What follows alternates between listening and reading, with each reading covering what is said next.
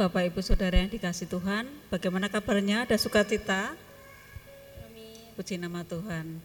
Uh, saya sapa juga Bapak Ibu Saudara yang saat ini hadir melalui streaming YouTube GP Candi. Selamat datang dan bergabung di dalam baktian doa Rabu pada malam ini, tanggal 28 September 2022. Puji nama Tuhan kita diberikan kesempatan oleh Tuhan Yesus untuk malam ini bisa bersama-sama bersekutu bersama. Mari kita akan datang kepada Tuhan. Kita akan menyiapkan hati kita untuk menghadap pada Tuhan uh, di dalam tema gereja kita di dalam bulan ini. Masih dalam bulan yang minggu terakhir, keluarga yang mau bertumbuh dan berhasil. Mari kita akan sejenak bersaat teduh sebelum kita akan memuji nama Tuhan.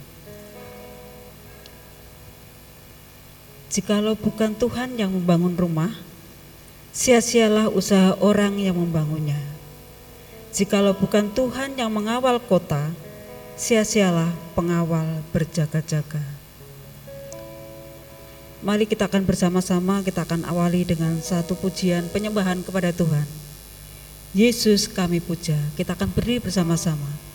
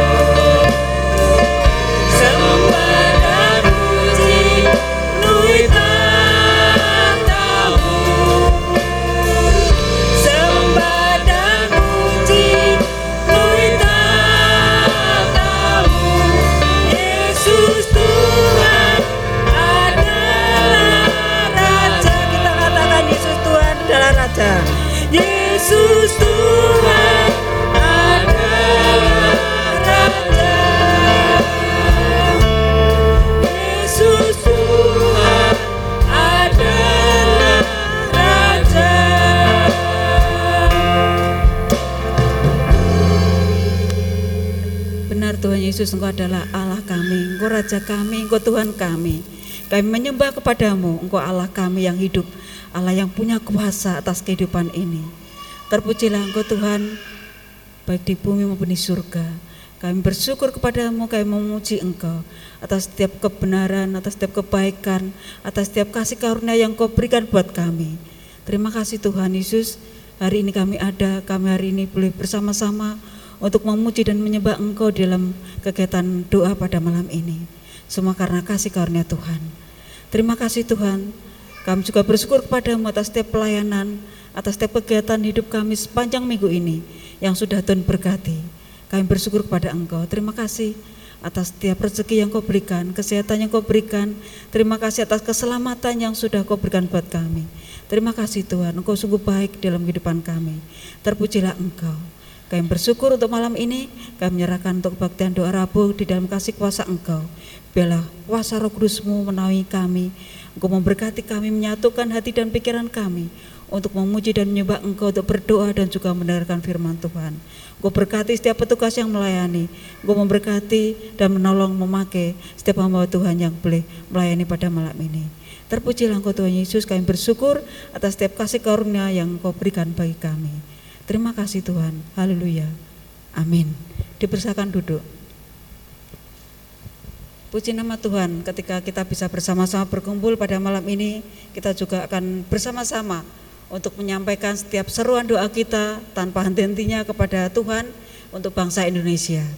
Kita syukuri atas setiap berkat yang sudah Tuhan berikan bagi bangsa yang tercinta ini, keindahan alam yang Tuhan berikan pada kita. Kita akan bersama-sama sebelum kita berdoa untuk bangsa negara Indonesia nanti yang akan dipimpin oleh Pendeta Muda Bayu Kinli. Kita akan nyanyikan lebih dulu betapa kita tidak bersyukur. Kita nyanyikan bait pertama dan ketiga.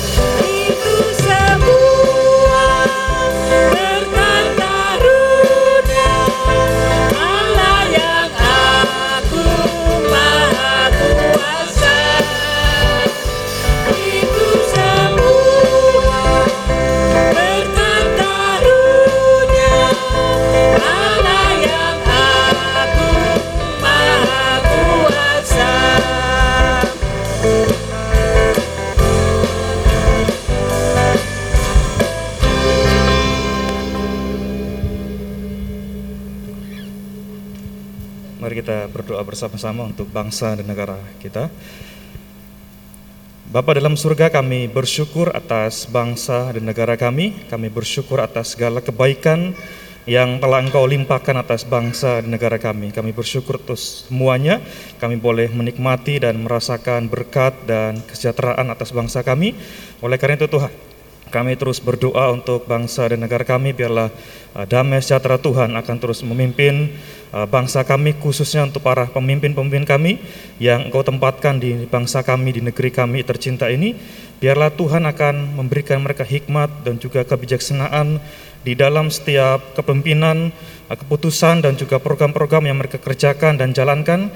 Biarlah Tuhan akan menolong dan menyertai supaya para pemimpin kami dapat melaksanakan setiap program-program dan juga hal-hal uh, yang berkaitan dengan kesejahteraan bangsa kami dengan baik, dengan takut akan Tuhan supaya mereka tidak menggunakan hal-hal yang uh, tidak berkenan di hadapan Tuhan dan mereka dapat melaksanakan setiap tugas dan pekerjaan mereka dengan baik.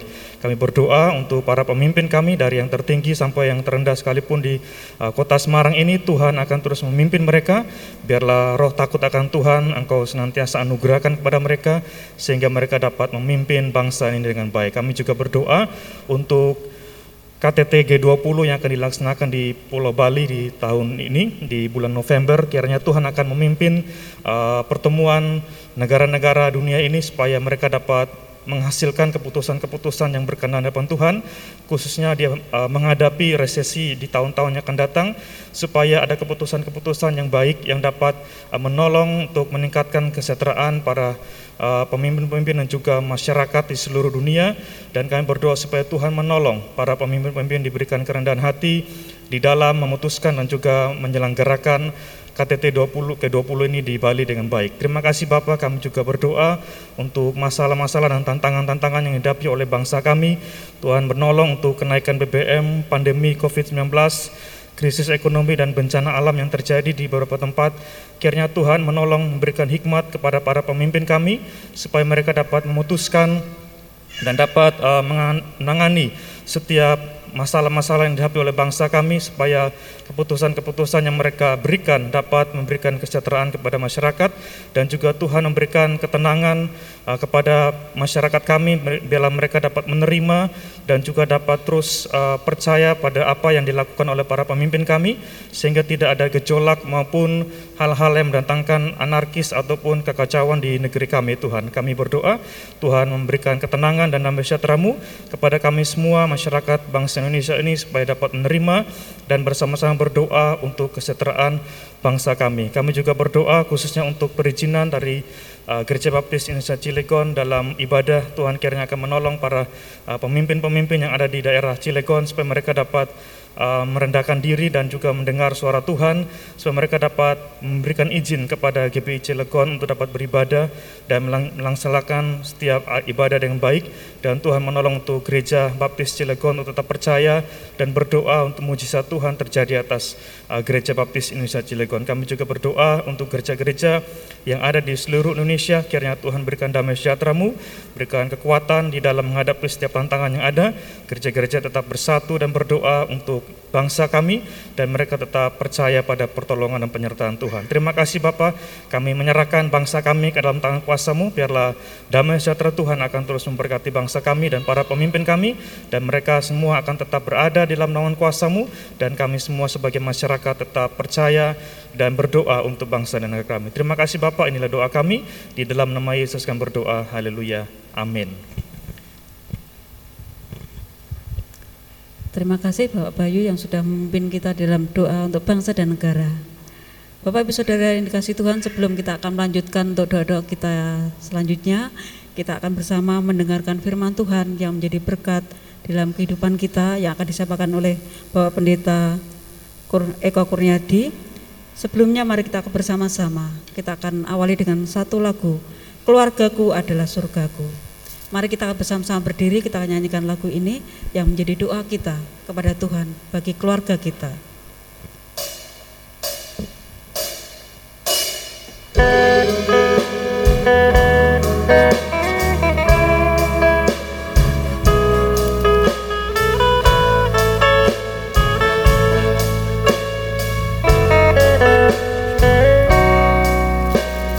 Aku dan sisi rumahku akan selalu menyembahmu. Tuhan dan Raja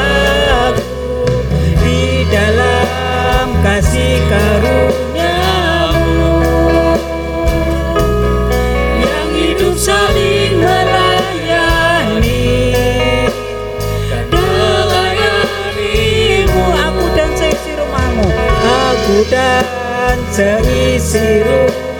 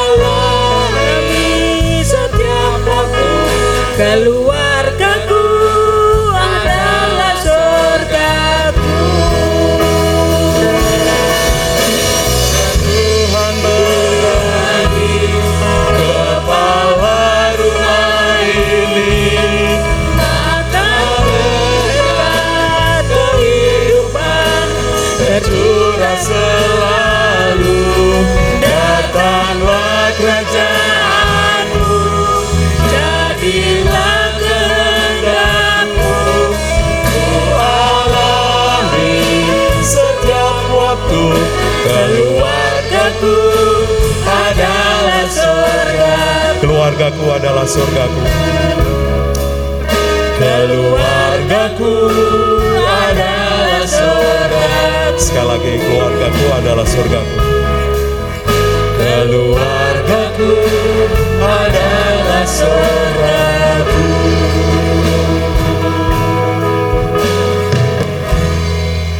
Kami bersyukur Engkau memberkati kami hidup di dalam keluarga dan kami bersyukur karena keluarga kami ditopang oleh Tuhan oleh setiap firman-Mu dan biarlah kami terus belajar mendengar akan suaramu dan kami semua menjadi pelaku-pelaku firman agar kehendak-Mu yang sempurna itu terjadi di dalam dan melalui hidup kami. Pimpinlah kami Roh Kudus di dalam nama Tuhan Yesus Kristus kami berdoa.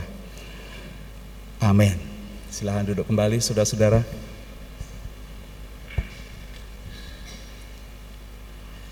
Selamat malam semua.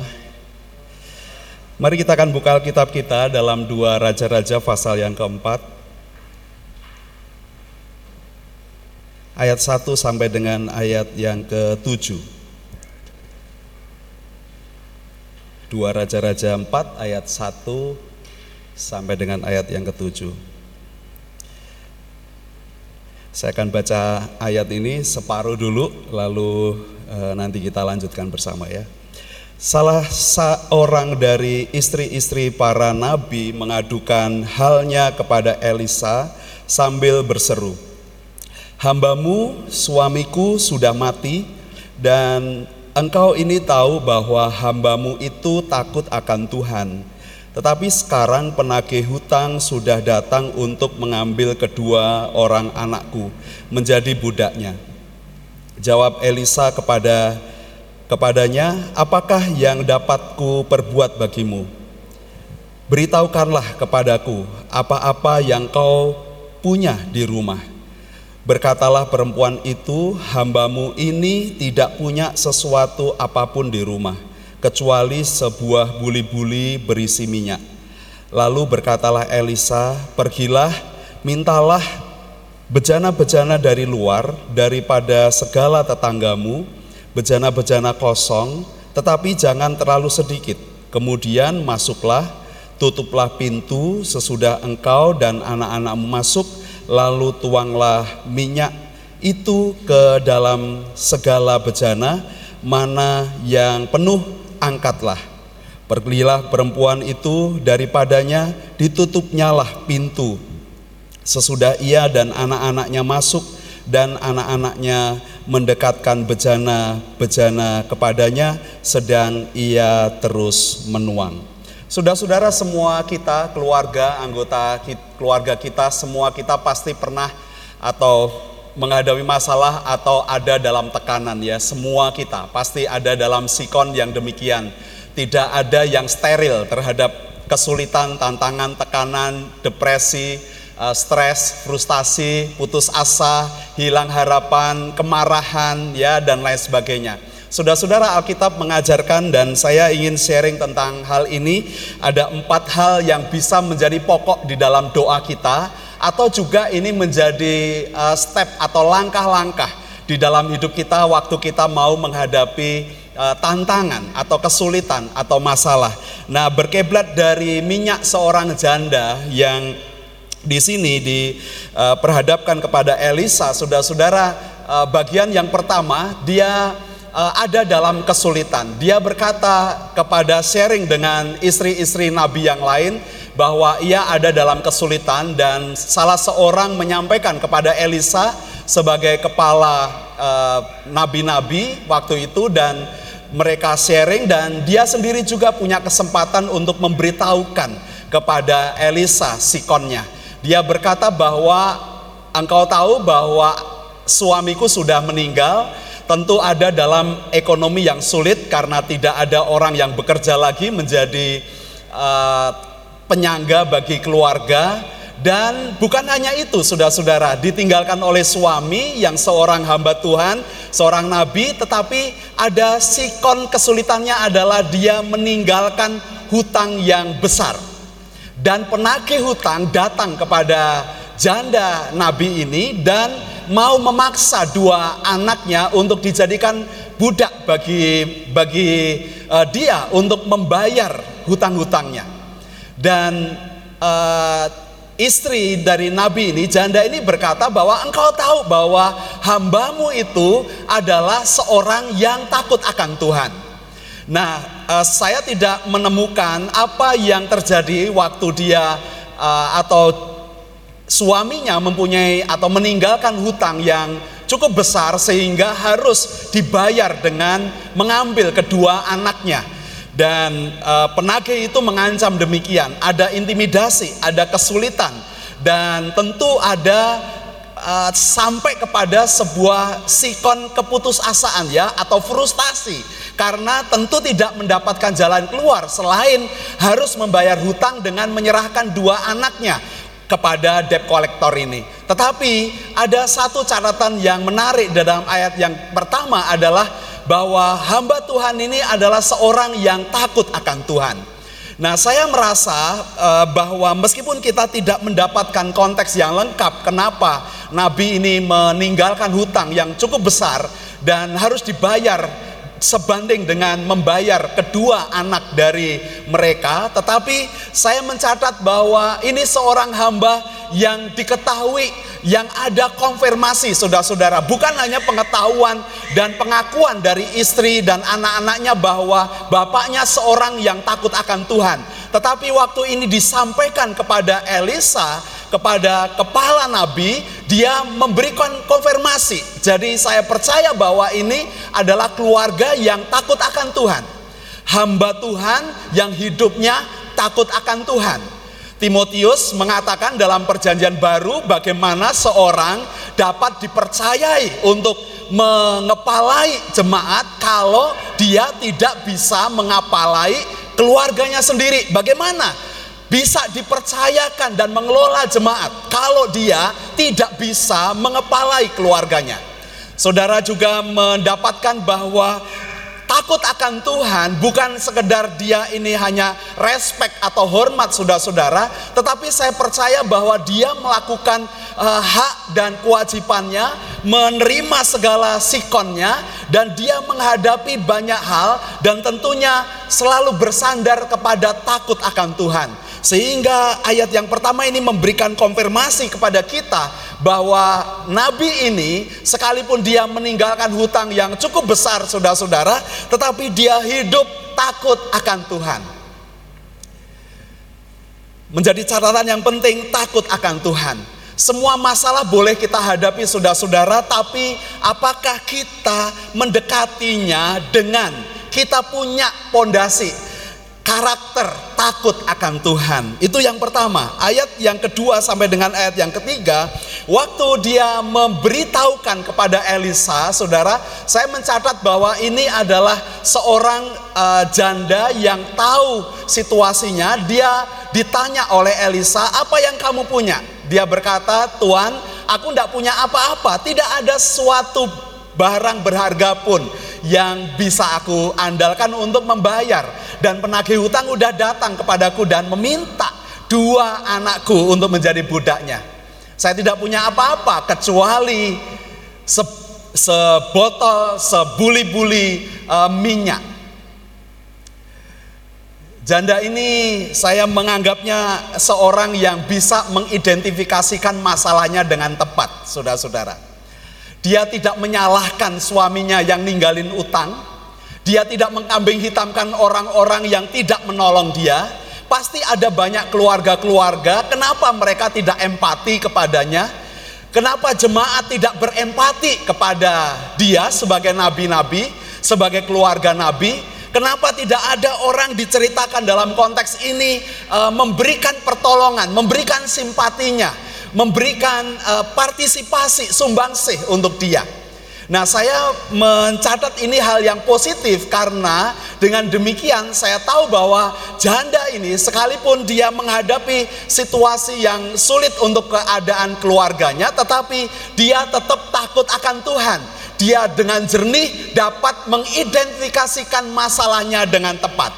Saudara-saudara, kekurangan kita, kekurangan kalau kita misalnya contoh yang gampang kurang uang, ya itu artinya bukan karena kita punya kebutuhan yang besar, saudara-saudara, atau bukan karena orang bersalah karena orang tidak menolong kita.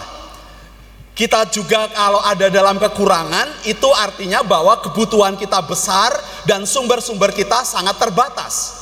Dan itu artinya tahu bahwa kalau sumber-sumber kita itu terbatas, saudara, kita diberikan hikmat untuk bisa siap sedia untuk menghadapi kesulitan dan tantangan di masa akan datang yang kita tentu tidak tahu. Dan uh, saya percaya bahwa janda seorang nabi ini dia adalah orang yang pandai, yang punya hikmat untuk mengidentifikasikan apa yang baik terkait dengan masalahnya. Kalau saudara melihat membaca sampai dengan ayat yang terakhir nanti, dia dapat menghitung semua tanggungannya, dia dapat membelanjakan semua tanggungannya dan untuk kebutuhannya dan dia juga melaporkan kepada Elisa. Saudara-saudara, ini adalah seorang yang pandai mengidentifikasikan masalahnya dengan tepat. Saudara-saudara, dalam tantangan kesulitan apa pun yang kita hadapi, saudara-saudara, tentu kita diajar supaya kita seperti uh, janda ini dia tahu tahu apa yang dia punya. Dia tahu apa yang dia sanggup. Dia tidak punya apa-apa tetapi dia tidak menyembunyikan yang dia miliki. Dia punya kapital, dia punya modal, dia bisa berusaha dan dia menunjukkan sebotol minyak, sebuli-buli minyak ini yang aku punya. Dia tidak menyembunyikan apa yang menjadi miliknya yang tentu sedikit pun uh, ini mungkin tidak bernilai dan sebanding untuk membayar hutangnya, tetapi tentu minyak di dalam buli-buli, dalam botolnya ini dia bernilai. Saudara-saudara, sekecil apa pun yang dia punya, dia tidak menyembunyikannya. Saudara ini artinya seorang yang dengan jernih mengidentifikasikan masalahnya dengan tepat karena takut akan Tuhan. Nah, kalau saudara melanjutkan saudara yang ayat yang keempat lima disebutkan bahwa dia mendapatkan perintah dari nabi.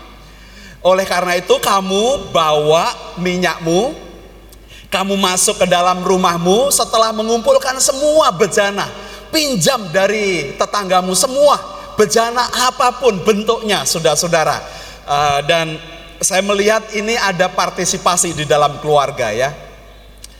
Anak-anaknya dua anaknya berpartisipasi. Dia tahu kesulitan keluarganya.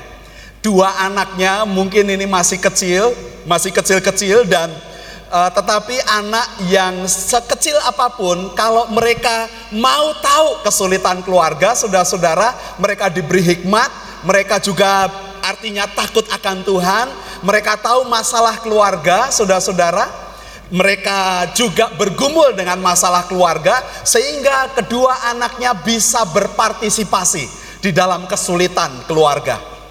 Saudara banyak keluarga-keluarga yang sok cuek. Ya udah itu urusannya wong tua. Ada juga orang tua yang ingin menyelesaikan masalah sendiri, bukan urusannya anak-anak. Ada berbagai macam tipe bagaimana keluarga menyelesaikan masalah-masalah mereka, tetapi saudara kalau didasari takut akan Tuhan dan tahu masalah yang dihadapi, nah saya percaya ini ada kerjasama di dalam keluarga, mau berpartisipasi, mau memikul tanggung jawabnya. Saya dulu pernah punya seorang jemaat yang uh, nekat pinjam semua gaji saya dalam bulan itu, ya. Dan saya bilang, loh, kenapa tidak pinjam anakmu yang gajinya lebih banyak daripada saya seorang pendeta? Lalu anggota itu berkata, mesake pak anakku hidupnya begini-begini. Lalu saya agak nada tinggi dan keras saya bilang, lah kamu itu loh, kamu sayang kepada anakmu, takut atau nggak mau ngerepotin anakmu, tapi kamu berani ngerepotin orang lain, ya. Kamu takut untuk ngerepotin anggota keluarga, tapi ngerepotin banyak orang, ngerepotin banyak orang. Dan bagaimana, saudara-saudara? Nah, ini nilai yang harusnya ada di dalam keluarga, yaitu bahwa semua anggota keluarga mau berpartisipasi di dalam kesulitan keluarga. Mereka mau bekerja sama, saudara-saudara, sebagai petunjuk bahwa perwujudan orang-orang anggota keluarga yang takut akan Tuhan, yang berdoa bersama, yang bergumul persoalan yang sama, yang yang tahu mau tahu akan persoalan dan kesulitan yang dihadapi oleh mereka dan tidak cuek, tidak acuh tak acuh dan mereka tidak menyembunyikan sekecil apa pun harta yang mereka punya. Mereka harus mengeluarkan, harus berbagi, berpartisipasi untuk mengatasi kesulitan bersama. Saudara-saudara, dua anak dari janda nabi ini uh, kerja keras mengumpulkan buli-buli yang gede, yang sedang, yang kecil. Dia tanya semua anggota uh, lingkungan di tempatnya pasti mengumpulkan semua dan buktinya sampai rumah itu penuh sesak dan tidak ada tempat lagi. Saya rasa ya ini karena anak-anak ya. Kalau saya ada waktu itu tak buat tingkat ya. Wah, biar tak buat tingkat, biar rumahnya benar-benar penuh dengan buli-buli. Jadi setelah uh, dijual ya minyaknya bisa kaya raya. Nah, tapi itu bukan zaman saya ya, bukan zaman superbook mungkin ya. Tidak ada robot yang bantu buat apa uh, jagrak untuk buat uh, buli-buli. Tetapi rumah itu penuh sesak, saudara-saudara. Tentu tetangganya tanya, Geopo, untuk apa? Nah saya nggak tahu bagaimana jawaban dari mereka karena mereka kerja keras mengumpulkan semua buli-buli. Apa setelah menjual kemudian mereka diopai dengan minyak? Tidak diceritakan juga. Apa mereka meminjamkan dengan cuma-cuma? Atau setelah mereka kunci pintu rumah, mereka nginceng, apa yang terjadi di dalamnya? Arab ngapusi opo, Arab nimbun minyak piye? Nah begitu ya. Saudara-saudara tidak diceritakan tentu.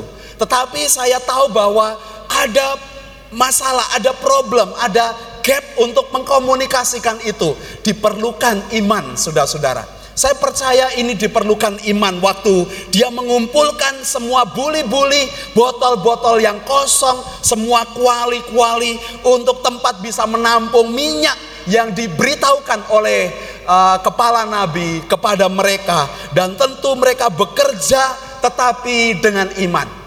Mereka kumpulkan semua buli-buli dan rumah itu sudah penuh dan sangat sesak dan kemudian ada iman yang bekerja. Karena tentu yang pertama untuk menuangnya ini uh, janda nabi ini dia menuang. Itu perlu iman saudara-saudara. Untuk dituang. Apa ya bener ya? Piye ya? Ini udah buli-bulinya banyak ini gimana caranya masak minyak ini nggak habis Saudara-saudara diperlukan iman untuk bisa mengatasi masalah. Bekerjanya kita bukan kerja otot, saudara-saudara, bukan sekedar kerja otak, saudara, tetapi juga kerja iman. Saudara dan saya diperlukan untuk menjadi keluarga yang berpartisipasi di dalam takut akan Tuhan, ngerti masalah yang jelas, tahu membedakan mana mengidentifikasikan persoalan-persoalan yang kita hadapi dan bagaimana cara Tuhan bekerja di dalam dan melalui kita. Diperlukan iman untuk menuangnya. Juga tidak diceritakan apa anak-anaknya juga membantu menuang minyak-minyak yang lain. Tetapi yang jelas janda ini menuang menuangkan botol yang isinya minyak dan terus menerus satu persatu dia penuhi semua buli-buli satu persatu dan dengan iman.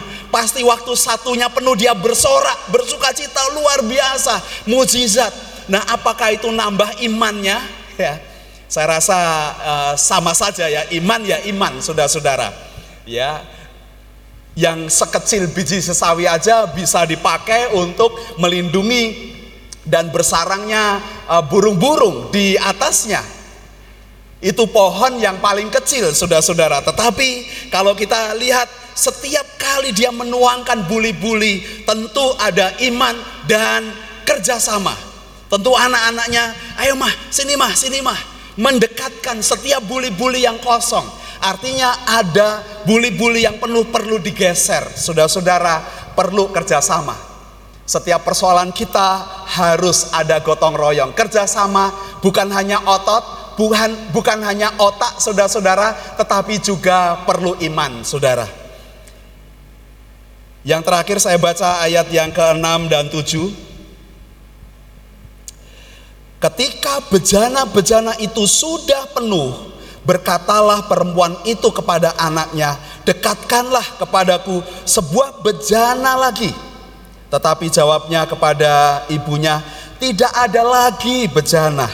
Lalu berhentilah minyak itu mengalir, kemudian pergilah perempuan itu memberitahukannya kepada abdi Allah dan orang ini berkata, "Pergilah, juallah minyak itu, bayarlah hutangnya dan hiduplah dari lebihnya engkau serta anak-anakmu."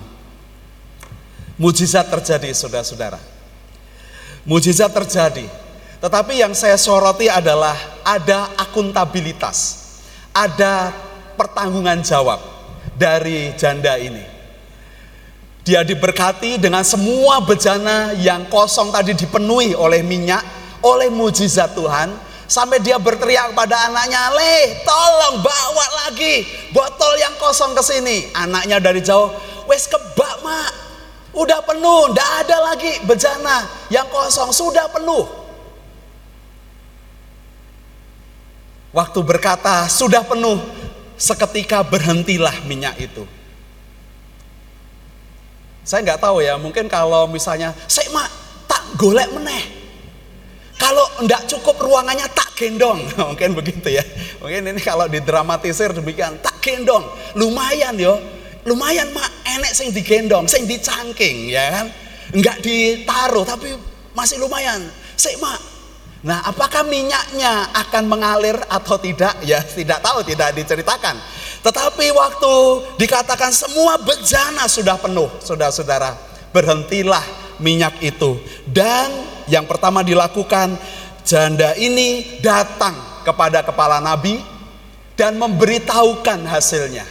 Dan tentu di sini mereka merayakan sukacita, merayakan mujizat. Nah, jarang ya kita e, merayakan akan pertolongan Tuhan, merayakan akan mujizat, merayakan akan e, kasih Tuhan, merayakan akan teguran Tuhan dalam kehidupan kita bersama dengan orang-orang atau bersama dalam keluarga. Di minggu pertama saya berkhotbah juga bahwa kita membicarakan tentang kebaikan-kebaikan Tuhan di dalam keluarga. Nah, apakah itu menjadi hal yang uh, yang biasa, yang biasa dalam keluarga kita untuk melihat betapa Tuhan menolong dan kita mata kita bisa melihat mujizat Tuhan yang terjadi atau kita hanya merohanikan semua pertolongan-pertolongan itu kepada orang lain tapi tanpa dialami oleh keluarga. Buktinya karena mereka keluarga-keluarga ini uh, membuktikan sepakat untuk memuliakan Tuhan dia datang kepada hamba Tuhan, dia memberitahukan hasilnya dan kepala nabi berkata, "Oke, kamu jual semua minyak itu dan uangnya dihitung. Lalu kamu hitung utangnya, bayar semua utang itu dulu." Dia tidak ngomong tentang keinginan-keinginannya, tetapi dia membayarkan semua tanggung jawabnya, saudara-saudara. Dan Nabi berkata bahwa selebihnya kamu akan pakai untuk kebutuhan keluargamu. Saudara-saudara ini yang luar biasa. Apakah kita juga uh, dalam kehidupan doa kita, kita waktu berdoa kita landasi dengan takut akan Tuhan? Apakah kita tahu masalah yang kita hadapi? Apakah ini yang kita doakan? Apa ujung-ujung kita pengennya solusi, solusi, jalan keluar, terobosan tapi kita tidak tahu masalah-masalah yang kita hadapi, saudara-saudara. Apakah kita juga waktu kita mendapatkan hasil, kita merayakan akan kebesaran Tuhan? Karena kecenderungan keberhasilan, tentu orang bisa dibelokkan oleh keinginan dan kesombongan, keberhasilan. Tetapi saya melihat di sini ada jiwa yang dipenuhi dengan uh, tanggung jawab, akuntabilitas. Dia tahu apa dan bagaimana dia bisa menyelesaikan semua hasil dari jawaban-jawaban doa. Saudara, biarlah empat hal ini menjadi pergumulan bagi kita, menjadi pola doa kita, menjadi cara keluarga kita kalau kita menghadapi tekanan, tantangan, masalah dalam kehidupan kita dengan takut akan Tuhan, identifikasikan masalahnya dengan jelas, minta terobosan dari Tuhan, bukan hanya sekedar otot yang bekerja, bukan otak yang bekerja, tetapi juga hikmat dan iman, saudara-saudara. Supaya kita juga bisa menjadi seorang yang bisa bertanggung jawab kepada Tuhan, bahwa semua yang diperoleh karena kasih anugerah Tuhan, dan kita bisa menggunakan dengan hikmat seperti pengalaman keluarga janda nabi ini. Saudara-saudara, biarlah itu menjadi perenungan baik kita. Mari kita berdoa.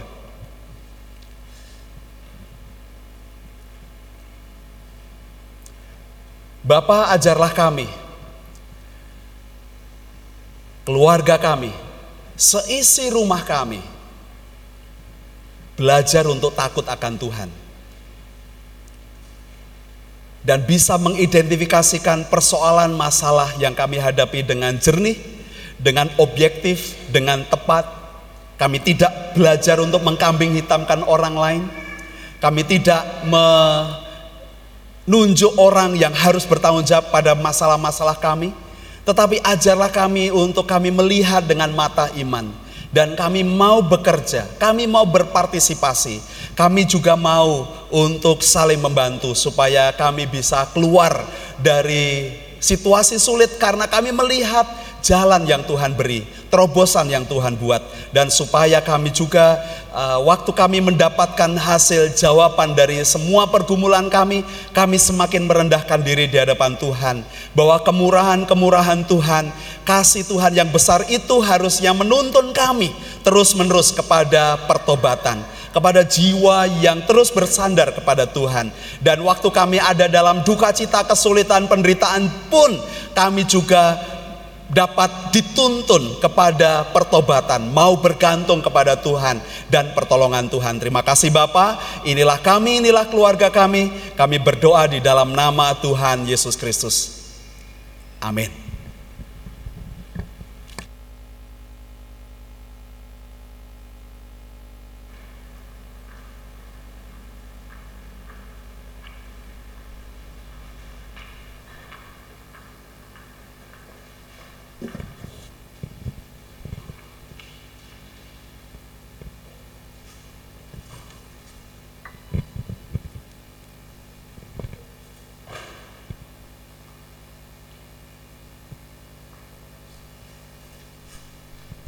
Puji nama Tuhan, firman Tuhan yang memberkati kita semua.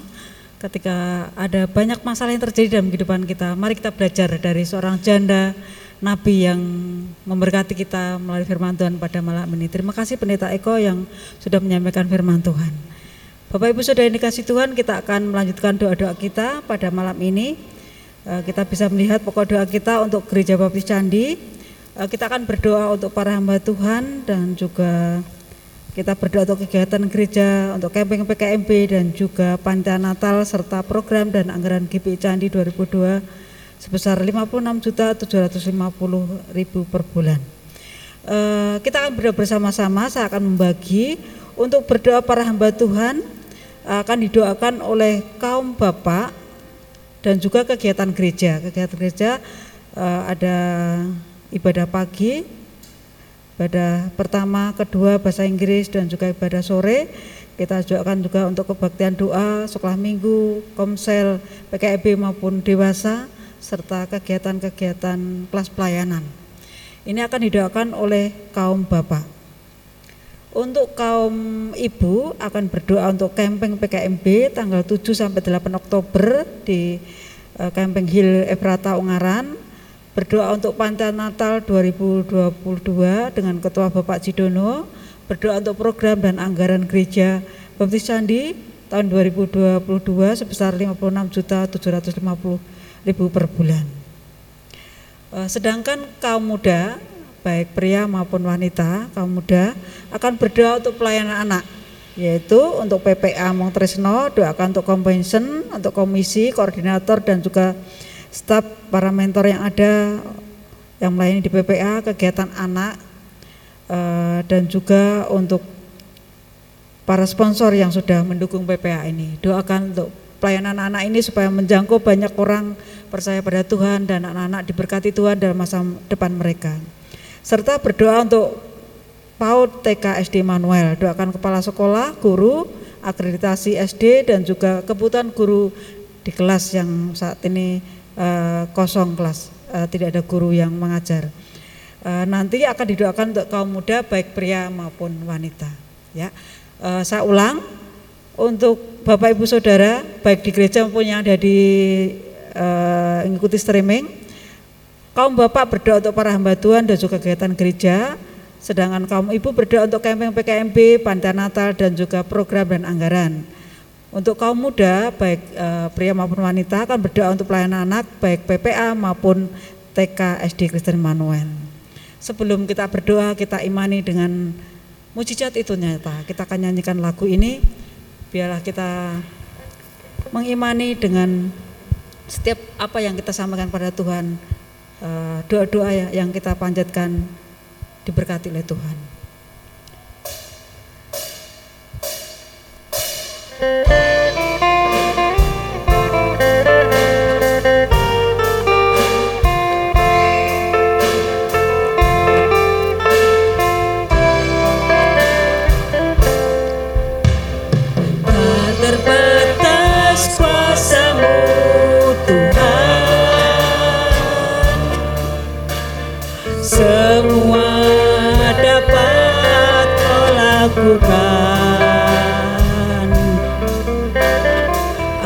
Apa yang kelihatan mustahil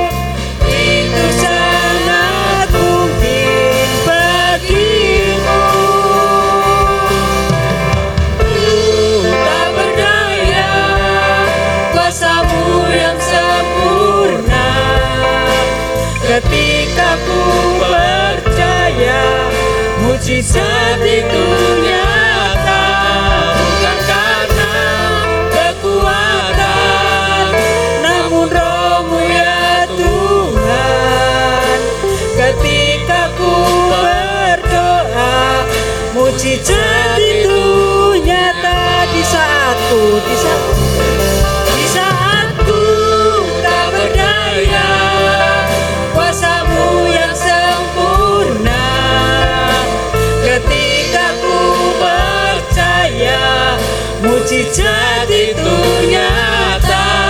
Bukan karena kekuatan namun rohmu ya Tuhan. Ketika ku berdoa mujizat itu nyata. Ketika ku berdoa ketika ku berdoa ketika ku percaya mujizat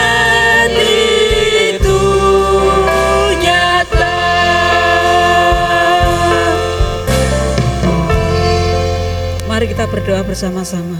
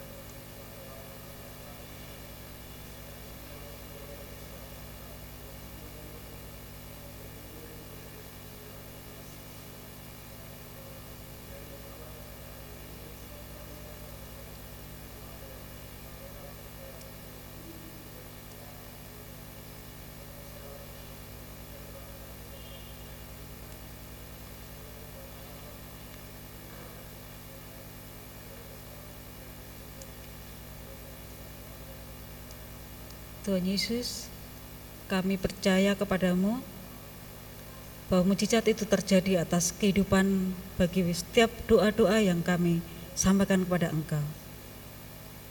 Kau berkati dengan mujizatmu untuk setiap hamba-hamba Tuhan di Gereja Bukti Candi ini, setiap kegiatan yang ada, Kau memberkati setiap rencana-rencana yang sedang kami kerjakan, baik untuk camping, untuk panitia, untuk Natal, untuk anggaran yang dibutuhkan, Tuhan berkati. Kami mohon kasih karuniamu, biarlah setiap pelayanan yang kami kerjakan untuk kemuliaan Tuhan dan Tuhan memberkati hasilnya. Kami juga menyerahkan kepadamu ya Tuhan untuk setiap pelayanan anak di gereja kami baik di PPA maupun di SD, PAUD TK SD Manuel, Tuhan memberkatinya. Terpujilah Engkau Bapa, kami sampaikan dan kami menyerahkan sepenuhnya setiap seruan doa dan syukur kami ini di dalam nama Tuhan Yesus Kristus. Haleluya. Amin. Kita juga akan berdoa terus untuk setiap kehidupan jemaat GPI Candi dan juga setiap pekerjaan, setiap studi dan juga uh, saudara-saudara kita yang sedang sakit, serta para lansia. Doa ini akan disampaikan oleh Penita Eko dan juga doa penutup. Silakan.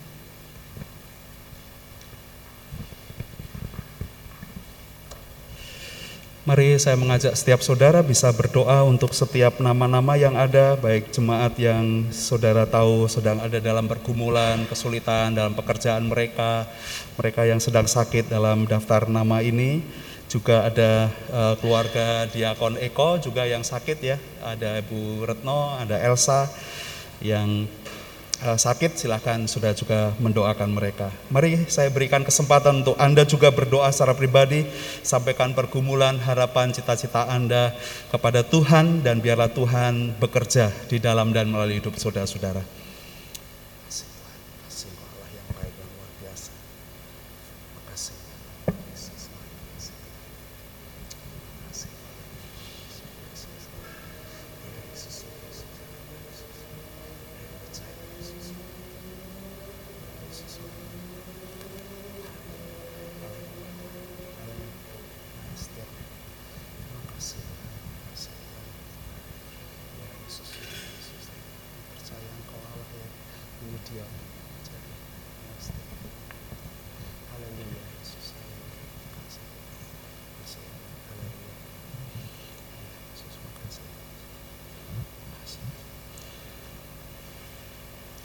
Bapa di dalam surga, kami membawa setiap anggota gereja uh, Gereja Baptis Indonesia Candi, setiap keluarga-keluarga ketahan kuasamu, Engkau yang menilik mereka, yang Kau tahu akan setiap pergumulan mereka, apa yang sedang dihadapi dalam kehidupan mereka sehari-hari, dalam pekerjaan, dalam kehidupan, dalam relasi, dalam keluarga, dalam tantangan-tantangan yang mereka hadapi, harapan dan cita-cita.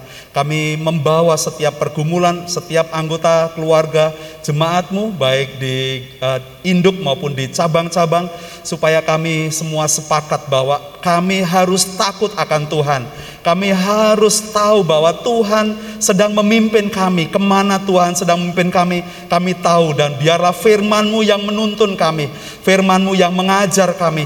Supaya kami berjalan dalam jalan Tuhan. Kami tahu yang terbaik. Kami bisa membedakan mana kehendak Allah yang rindu Tuhan kerjakan di dalam dan melalui keluarga-keluarga kami supaya kami semua bisa bersuka cita sekalipun kami harus melewati lembah uh, kekelaman, uh, badai dan situasi yang sulit tetapi kami tidak takut bahaya sebab engkau beserta dengan setiap anggota jemaatmu engkau menjadi Tuhan bagi mereka sehingga setiap jemaatmu ada dalam persoalan mereka bisa keluar sebagai pemenang. Mereka bisa semakin rendah hati.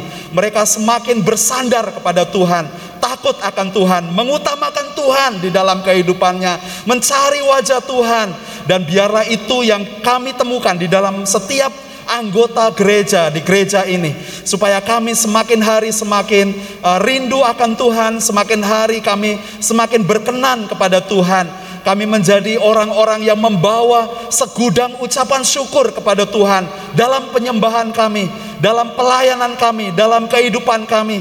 Kami tidak menjadi penuntut-penuntut berkat berkat Tuhan ada atas kami, tetapi Engkau tahu yang terbaik. Bapak ampunilah kami, ampunilah setiap kami. Kami tidak melayani Tuhan, kami tidak takut akan Tuhan. Kami tidak mau berserah kepada Tuhan.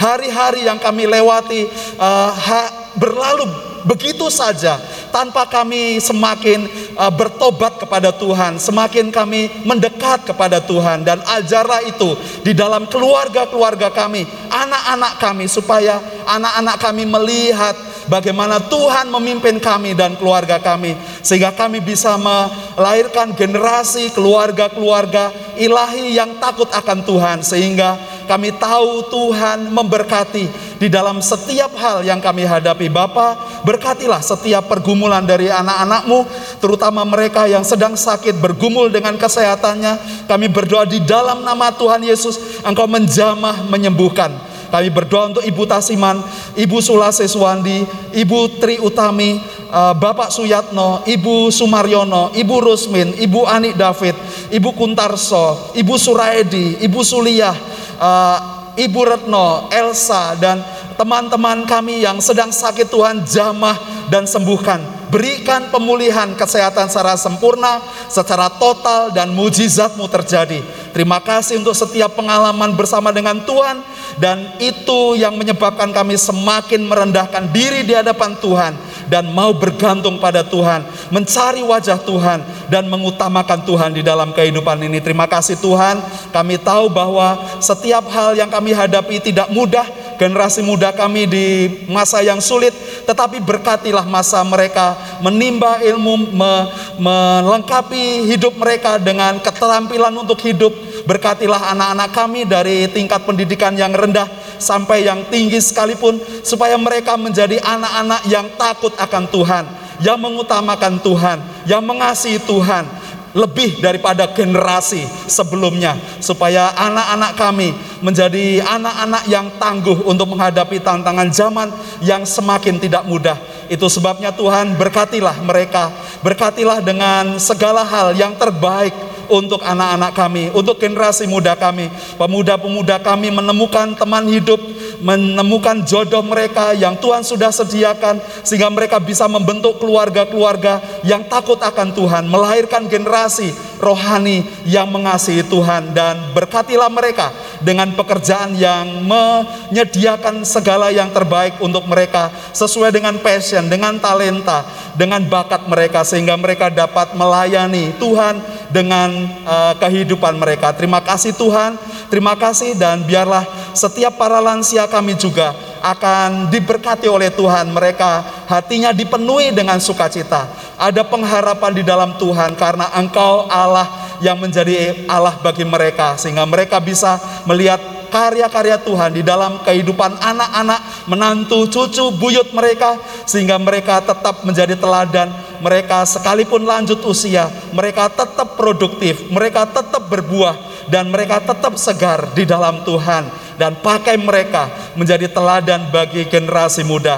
Terima kasih Tuhan, kami berdoa untuk setiap keluarga yang punya pergumulan-pergumulan khusus, Tuhan memberikan jalan keluar pada mereka dan setiap doa-doa kami, biarlah Engkau Allah yang menjawab dan menyediakan semua yang terbaik bagi hidup kami. Terima kasih Tuhan dan biarlah saat kami pulang damai sejahtera Tuhan atas kami menaungi dan memberkati kehidupan kami di dalam nama Tuhan Yesus Kristus kami berdoa. Amin. Mari kita berdiri bersama-sama. Keluargaku adalah surgaku.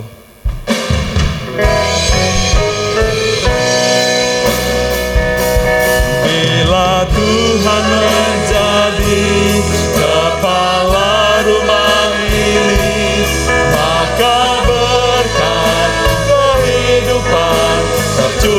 selalu.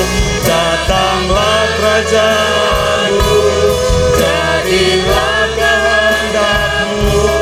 Ku alami setiap waktu keluargaku adalah surga. Sekali lagi, bila Tuhan menjadi kepala rumah kami, Bila Tuhan menjadi kepala rumah ini, maka berkat kehidupan tercurah selalu.